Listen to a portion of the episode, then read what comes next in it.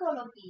Hari ini saya Liana sebagai moderator dan ada bersama saya tamu spesial, Bulastri. Halo Bulastri, selamat malam. Halo, selamat malam. Ya, Bulastri ini merupakan salah satu dosen favorit saya nih. Bulastri bisa Masa memberi- sih?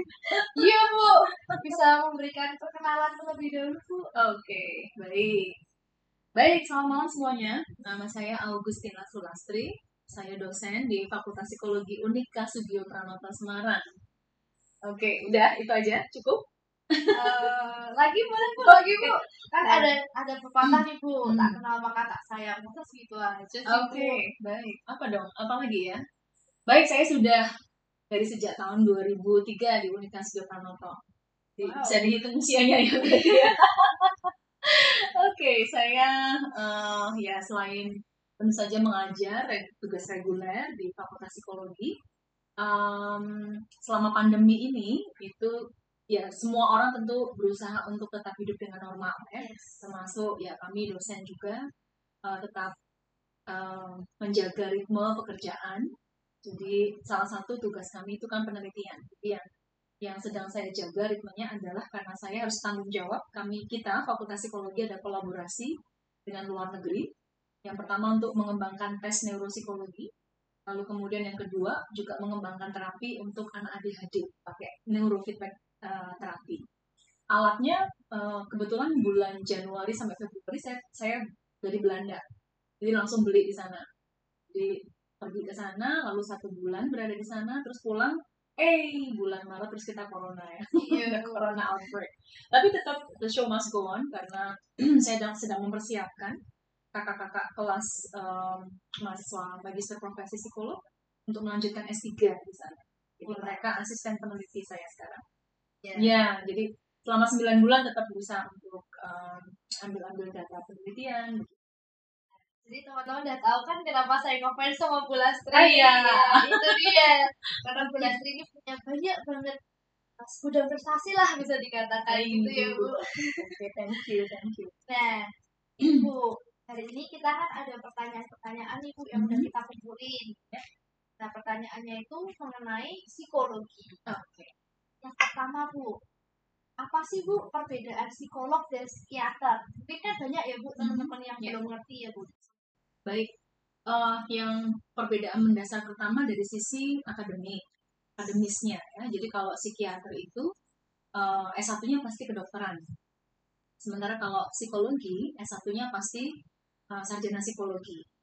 Nah, kemudian perbedaan yang kedua yang sangat mendasar, tentu kita tahu kalau kedokteran ya, mereka lebih banyak eh, meskipun psikiater ya psike tapi mereka melihatnya dari aspek biologisnya itu uh, cukup kuat sehingga uh, pendekatan mereka itu lebih banyak ke medis juga sebenarnya jadi misalnya kalau ada pasien uh, yang datang pada mereka lalu mereka diagnosis pendekatannya lebih ke terapinya terapi medis jadi dikasih obat. Nah sementara kalau uh, psikologi tidak. Jadi kita uh, seperti yang kita tahu semua atau mungkin anda perlu dengar dari saya juga bahwa kita ada uh, tiga domain begitu ya. Jadi kita tetap harus belajar uh, proses-proses mental seperti pikiran kemudian uh, perasaan afeksi yang kemudian muncul dalam perilaku. Nah tiga hal ini yang kita identifikasi sebenarnya di mana masalahnya jadi nanti akan mengikuti terapi yang kita berikan jadi kita memang tidak berbasis medis Uh, tetapi kita bisa saja bekerja sama dengan psikiater. Jadi misalnya di rumah sakit jiwa, kita harus akui dengan rendah hati tentu saja sebenarnya dua profesi ini bisa saling mendukung. Akan sangat terlihat itu di rumah sakit jiwa. Jadi misalnya pasien-pasien yang berat, ya, yang memang uh, mereka bergangguan berat, misalnya schizofren yang levelnya berat, mereka sudah disorientasi sama sekali nggak bisa diajak untuk komunikasi, maka itu harus diberi pengobatan dulu. Jadi diberi obat-obat yang sesuai lalu setelah mereka agak uh, mulai muncul orientasinya baru nanti psikiaternya pun harus dengan rendah hati merujuk pada psikolog gitu. Nah tetapi uh, masyarakat umum tentu saja juga harus uh, menyadari ya artinya kalau kita normal kalau ke psikiater terapi-terapinya banyak berbasis yang medis gitu pengobatan pakai obat sementara kalau uh, yang psikologi kita akan menata pola pikir yang keliru, pola uh, rasa afeksi yang keliru, perilaku yang keliru kita identifikasi, lalu kita cari pendekatan yang terbaik. Ya, semoga itu menggambarkan Oke. psikolog dan psikiater. Berarti bisa dikatakan ya Bu bahwa orang yang ke psikolog dan ke psikiater itu mungkin bisa pada tingkatan yang berbeda gitu ya, Bu, ya. Yang duanya yang berbeda. Kalau memang masih ringan itu bisa ke Mhm. psikolog karena cukup dengan terapi-terapi yang tidak berbasis medis gitu ya, Mhm. Bu, ya. Iya, Eh, sebenarnya kalau misalnya katakanlah eh, misalnya depresi, depresi berat Iya, misalnya iya. gitu ya, boleh memutuskan ke psikiater juga boleh, Oh, tetapi ke psikolog juga nggak apa-apa, karena saya juga perlu menyampaikan ya, artinya eh, seperti halnya kita pakai obat gitu ya, kenapa kok sampai ada ketergantungan pada obat? Iya. Itu juga bisa terjadi pada pasien. oh, Karena misalnya katakanlah depresi dikasih antidepresan enak, nah, kemudian lalu kemudian rasa enak, rasa nyaman itu dilanjutkan terus gitu. Jadi Oh, ada ketergantungan. Nah, keuntungan dari psikolog adalah uh, kita bisa kemudian mencari tahu ya tidak hanya sekedar simptom depresinya yang dihilangkan, tetapi kita sebut dengan faktor pemicu. Sebenarnya masalah pemicunya itu apa? Nah, tugas psikolog yang mencari tahu. Lalu kemudian dari uh, pemicu itu kita memutuskan bersama dengan klien. Sebenarnya itu rasional atau nggak rasional. Nah, kemudian baru kita cari uh, berbagai macam apa model pendekatan terapi yang tepat. gitu Ya, kalau misalnya ternyata ada irrational thinking dan kemudian itu mengganggu proses berpikir, merasakan terhadap peristiwa itu atau perilakunya, ya kita benerin. Kita nggak pakai obat memang, tapi uh, untuk yang psikologi memang perlu sangat uh, kuat ya, uh, kuat untuk mencari etiologinya, mencari penyebab. penyebabnya. Iya. Wah, terima kasih Bu Lastri. Terus nih Bu, ada pertanyaan lagi. Gimana pandangan Ibu mengenai stigma masyarakat yang berpikir kalau orang ke psikolog atau ke psikiater itu orang gila. Tapi banyak nih ya Bu ya, yang mikir kayak, wah kamu ke psikolog, ke psikiater, berarti kamu gila ya. Gitu. Gimana Bu? Oke. Ya, eh, bisa jadi karena sebenarnya sama seperti eh, hal yang medis ya. Katakanlah eh, corona sekarang deh, pandemi ini. Mereka kenapa kok angka kematian kita tinggi? Karena mereka merasa bahwa kalau ke dokter itu kalau sudah berat misalnya begitu. Sama seperti kalau misalnya kita ada problem medis yang ringan, kita kan nggak ke dokter. Iya. Demikian pula dengan eh, kondisi kejiwaan. Makanya sering kali yang sudah ke psikolog itu yang atau ke psikiater yang sudah berat problemnya begitu. Nah jadi mau nggak mau memang eh, stigma ini kemudian eh, apa ya eh, melekat begitu. Nah salah satu terobosan saya kira yang perlu dilakukan yang pertama-tama saya berpikir dari sejak SMP barangkali kita itu sudah pernah ketemu dengan guru BK ya, Iya. bimbingan dan konseling. Jadi konseling. Nah sayangnya stigma kalau yang dipanggil guru BK pasti yang bermasalah Iya Bu, benar dan itu kemudian membentuk uh, citra dari kalau orang mencari uh, bantuan untuk konseling, eh kamu mesti ada bermasalah nih, atau yang nggak bisa mengatasi sendiri. Jadi ada rasa malu bahwa kalau ketemu dengan guru BK pasti lagi bermasalah berat. Sementara yang lain-lain yang nggak guru ke guru BK berarti orang normal, gitu, Iya, siswa iya. normal. Nah, jadi saya uh, bekerja sama dengan beberapa guru gitu ya, memberikan satu uh, apa uh, bekerja sama untuk bagaimana supaya guru BK ini mendesain sesuatu program yang memang pendampingan itu diberikan sejak dini dan membuat mereka fun begitu. Nah, itu terjadi ada di uh, salah satu alumni kita Fakultas Psikologi Unika ya, yang menjadi guru BK. Kebetulan kepala sekolahnya juga alumni Fakultas Psikologi Wah. lalu kemudian psikolognya juga dan kakak kelas Anda ini masih S1. Program di uh, SMA ini keren banget. Jadi mereka mendesain guru BK itu aktif jemput bola, membuat program-program seperti uh, layanan konseling kelompok. Sehingga nggak cuma targeted kalau misalnya yang bermasalah yang baru datang ke guru BK, no. Nah itu kalau misalnya kita serentak semua melakukan itu, sebenarnya kita sudah mulai dari pe- pendidikan ya, stigma bahwa datang ke guru BK pasti lu bermasalah itu agak luntur. Iya. Jadi, nah yang asik saya berkomunikasi ya dengan kakak-kakak kelas eh, Anda yang fakultas psikologi ini, mereka jadi merasakan begitu.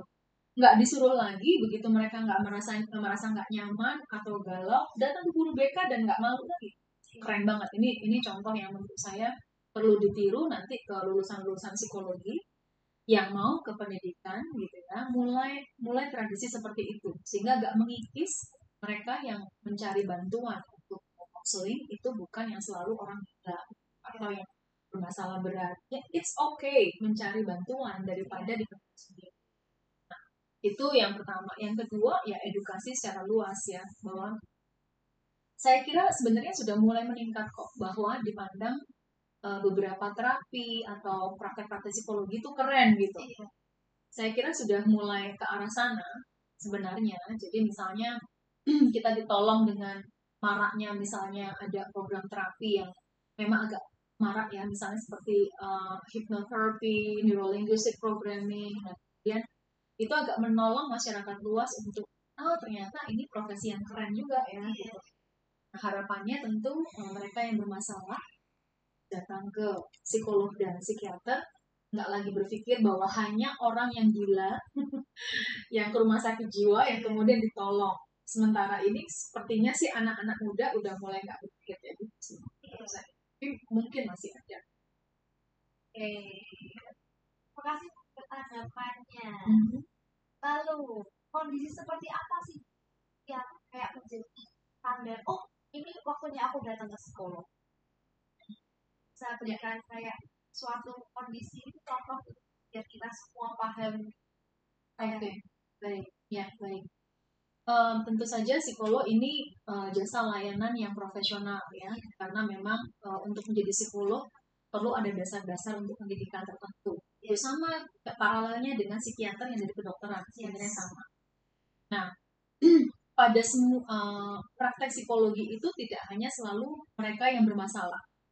Jadi pada mereka yang misalnya normal, lalu kemudian uh, ingin tahu praktek yang sederhana. Saya mau besok kuliah itu ambil jurusan apa yang tepat ya? Oh, iya. Psikolog bisa bantu itu karena kita bisa identifikasi dari kemampuan intelektual umumnya misalnya. Makanya kan ada penjurusan. Ya, penjurusan entah itu di SMA penjurusan ketika di kuliahan begitu. Itu yang paling sederhana. Ya jadi sebenarnya uh, untuk yang umum yang tidak ada gangguan sekalipun kita bisa bantu tolong mereka yang sehat. Nah ketika maksud anda pasti yang bermasalah begitu yeah, ya yeah. artinya uh, kalau itu uh, ketika mereka bingung udah dijuruskan tapi masih bingung juga itu juga bisa tetap datang ke psikolog. Nah kalau problem yang sifatnya psikologis yang lain katakanlah uh, bingung dengan uh, pikiran tertentu perasaan nggak enak yeah. begitu ya indikatornya adalah ketika uh, mulai ada disfungsi pada kehidupan sehari-hari. Jadi misalnya seminggu Eh, nggak uh, bisa nggak nggak doyan makan diare kepikiran terus. Jadi itu artinya fungsi dalam kehidupan sehari-hari mulai bermasalah terganggu. Pastikan butuh untuk teman ngobrol dulu barangkali ya tidak selalu semuanya memang ke psikolog barangkali mau curhat dulu ke mama ke papa it's okay tentu saja ya nah, tetapi ketika dirasa uh, mereka juga tidak bisa bantu tolong tetap kayaknya muter-muter gitu ya uh, maksudnya masalahnya nggak bisa terselesaikan Nah, ini butuh uh, mereka seperti kita, psikolog, yang belajar, ya tadi saya katakan, kita mengidentifikasi di mana sih peristiwa pemicunya, lalu pikiran itu irasional atau rasional kita juga belajar. Perasaan seperti itu di atasnya seperti apa.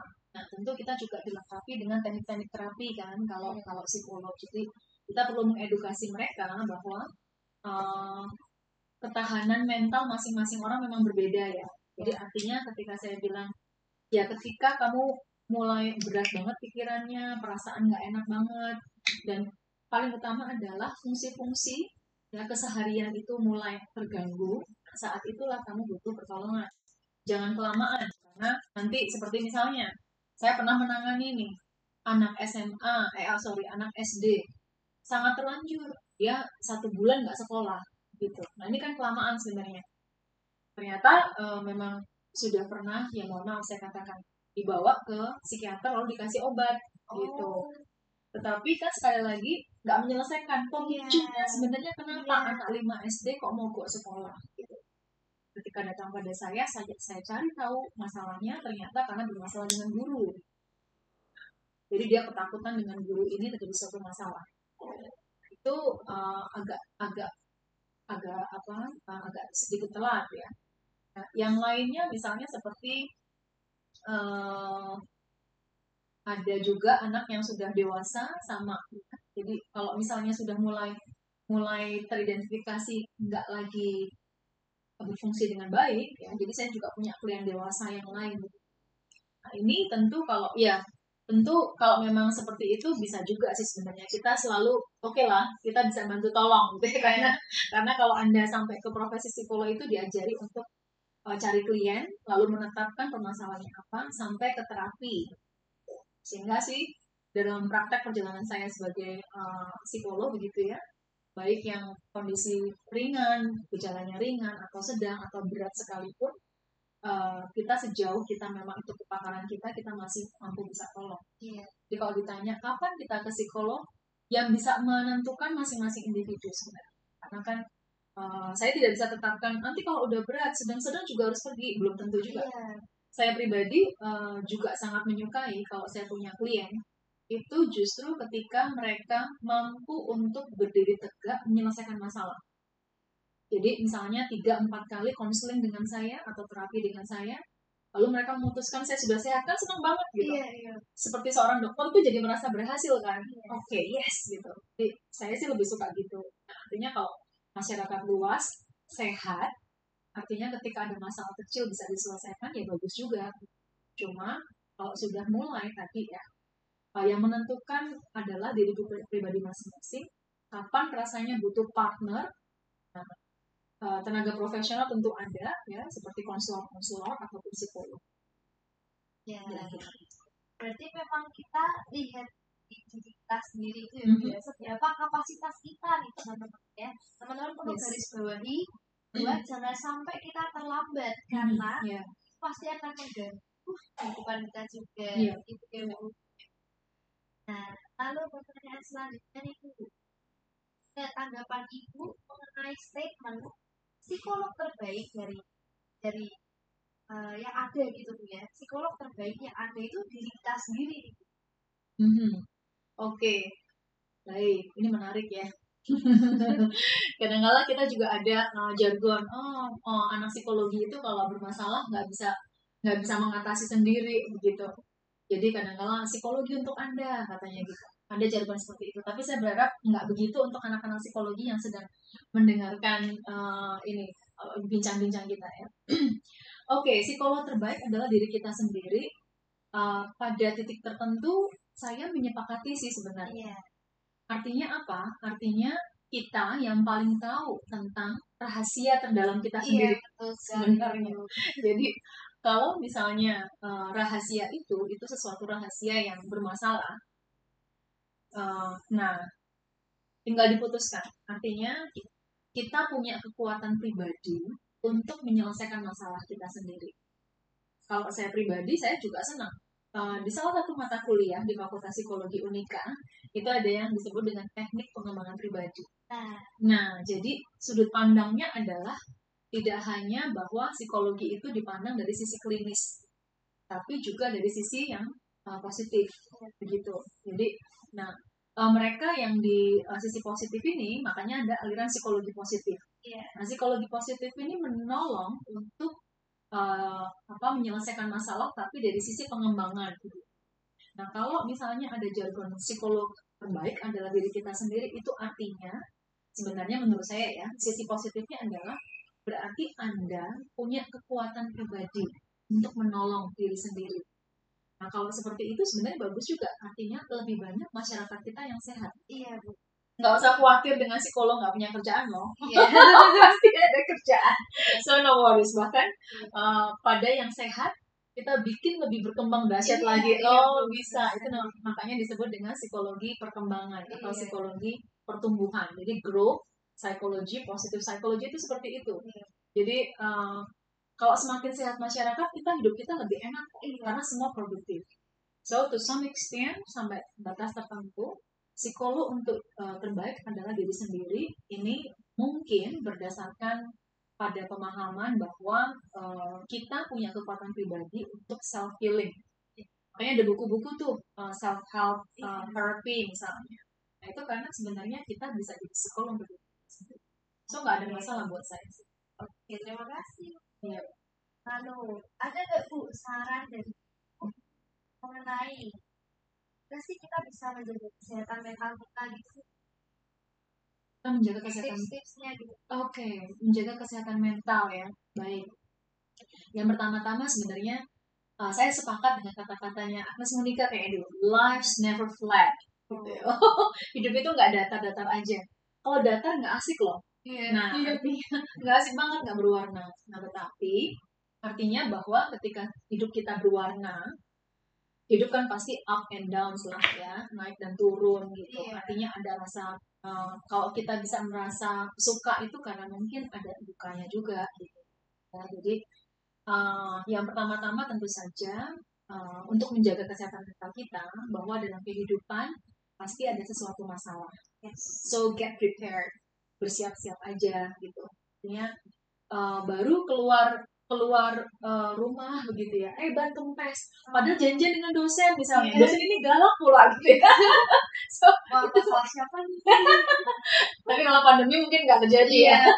bisa bisa online. Oke okay, artinya dalam setiap detik setiap menit gitu ya kita uh, kadang-kala mungkin ada yang secara, secara filosofis bilang kita adalah penentu nasib gitu, yes. nasib kita tetapi bisa juga kebalik loh. Corona ini siapa yang menentukan? Iya, iya. Akhirnya dia menentukan. Jadi corona ini menentukan nasib kita. Iya. so, fate chooses us gitu ya. Iya, iya. Jadi uh, nasib kita ketemu dengan corona ini kita nggak pernah predik sebelumnya. Kita nggak pernah prediksikan. Jadi untuk menjaga kesehatan mental artinya satu uh, dalam kehidupan kita kita punya kesadaran rendah hati bahwa kita harus bersiap dengan berbagai macam uh, probabilitas kemungkinan dalam hidup ya bahwa hidup itu bisa saja kita ketemu dengan masalah-masalah. So uh, untuk untuk itu kita perlu rendah hati ya sudah kalau ada masalah pasti ada solusi. Gitu. Yeah, yeah. Nah solusi ini yang kita bincang-bincang malam ini. Solusi itu berarti bisa ketemu dengan teman, ngobrol dengan teman. Kalau nggak ketemu ya dengan mama papa, kalau nggak ketemu dengan kita dong yeah. calon psikolog psikolog yeah. ini yang lagi ngobrol ya, yes oke okay. uh, eh, kemudian yang kedua ya uh, cari teknik-teknik untuk bisa menenangkan diri sendiri tadi kan kita udah bicara ya bahwa uh, psikolog terbaik diri kita sendiri ya saya to some extent tuh pada titik tertentu saya sepakat sih artinya kita mencari kekuatan pribadi menyelesaikan masalah kan nggak mungkin kita bergantung pada orang lain terus sehingga uh, kita perlu untuk uh, punya cara-cara ya, berdamai dengan pikiran ketika nggak enak berdamai dengan perasaan ketika nggak enak gitu. Atau ya perilaku yang maladaptif yang nggak tepat kita perlu uh, uh, perlu selesaikan begitu ya ya itu mungkin tips sederhana kita bisa jaga supaya kita bisa sehat mental. Misalnya sekarang saya senang bahwa di masa pandemi ini nggak uh, terlalu ya ada sih yang kemudian um, mencari layanan psikologi dan yeah. jiwa ya sehat jiwa. Nah uh, itu yang yang sudah disediakan oleh oleh oleh pemerintah ya oleh HIMSI dalam hal ini. Tapi masyarakat yang lain kan tetap harus cope with their problems gitu. Yeah. artinya ya kita memang harus uh, bersiap untuk menyelesaikan masalah-masalah yang mungkin terjadi dalam hidup kita gitu. Seperti itu mungkin kita jadi lebih tangguh gitu ya. Udah kita selesaikan ayo gitu. Jadi mental set ini yang bisa membuat kita sehat. Oke. Okay. oke. Okay. ya baik Lastri terima kasih ibu buat waktunya berbincang Oke, okay. yes baik. Senang sekali juga bisa uh, sharing. Baik teman-teman. Itu podcast kita hari ini kalau gitu, sampai ketemu lagi teman-teman di disco selanjutnya. Dadah. Oke, okay, bye.